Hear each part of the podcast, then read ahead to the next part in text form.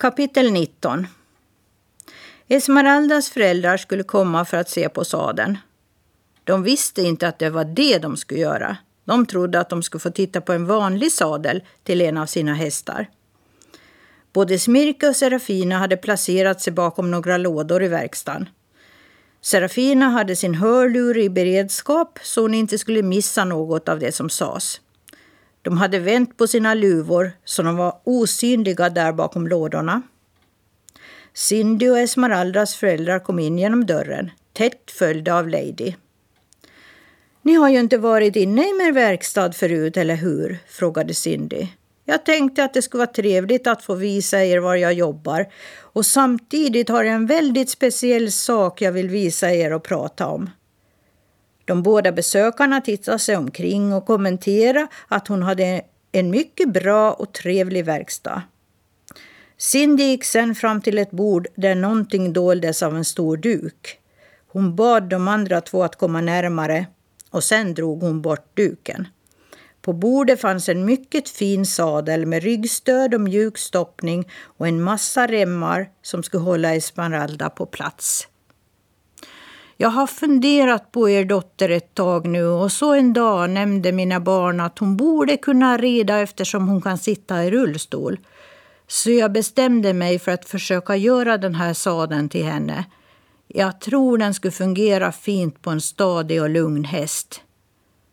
Föräldrarna sa ingenting på en lång stund. De bara tittade på sadeln. Sen sa pappan. Det var väldigt snällt av dig att tänka på Esmeralda, men vi kan inte tillåta att hon börjar rida igen. Vi är lyckliga över att hon klarar sig med livhanken i behåll vid olyckan och kan inte riskera att det händer igen. Mamman stod tyst en stund, sen sa hon. Vi kanske kan fråga vad doktorn säger innan vi tackar nej till den. Jag vet ju att det är Esmeraldas högsta önskan att få göra samma saker som friska barn och ridningen var hennes allt. Så kanske det kunde gå att pröva lite på vår häst Zacke som är så lugn. Ja, tänk över detta i lugn och ro och kontakta doktorn och hör vad han har att säga innan ni bestämmer er, sa Cindy.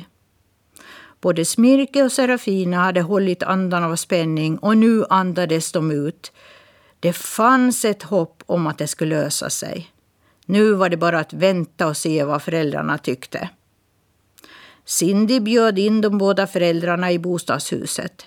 När de försvunnit kom Lady framdansande till tomtarna.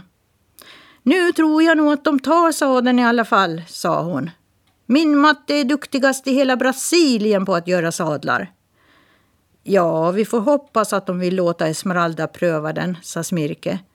Han gick bakom knuten och hämtade sprutt med släden och hjälpte Serafina upp i den. Skall kom springande från stallet. Vet ni vad? Det står en häst här i stallet och han heter Kredit. Det måste vara Esmeraldas häst. Kan det vara sant?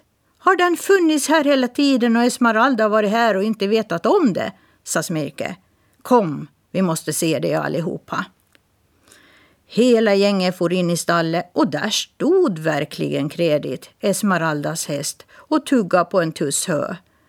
De var så ivriga så de pratade i munnen på varandra och det var svårt att få någon reda i det som sades. Men till slut lyckades Serafina få tyst på de andra och tog till orda. Kära häst, om du visste hur mycket Esmeralda längtar efter dig. Hon kommer inte ihåg vad som hände vid olyckan men hon beskyller inte dig för den.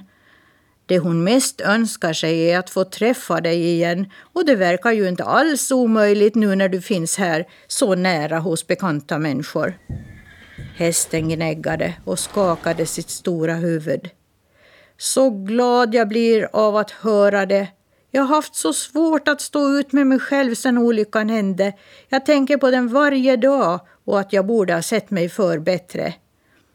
Du ska inte anklaga dig själv mera. Det var bilförarens fel och att det fanns en grop i vägkanten kunde du inte heller rå för. Jag har det väldigt bra här hos Cindy och hennes familj. Det var en väldig tur att de ville köpa mig och ge mig ett nytt hem. Men jag skulle hemskt gärna vilja träffa Esmeralda någon gång. Det kan säkert ordnas, trodde Smirke. Men först får vi se om föräldrarna accepterar den nya sadeln så hon kan sitta på en häst igen. Vi får vänta och se vad som händer.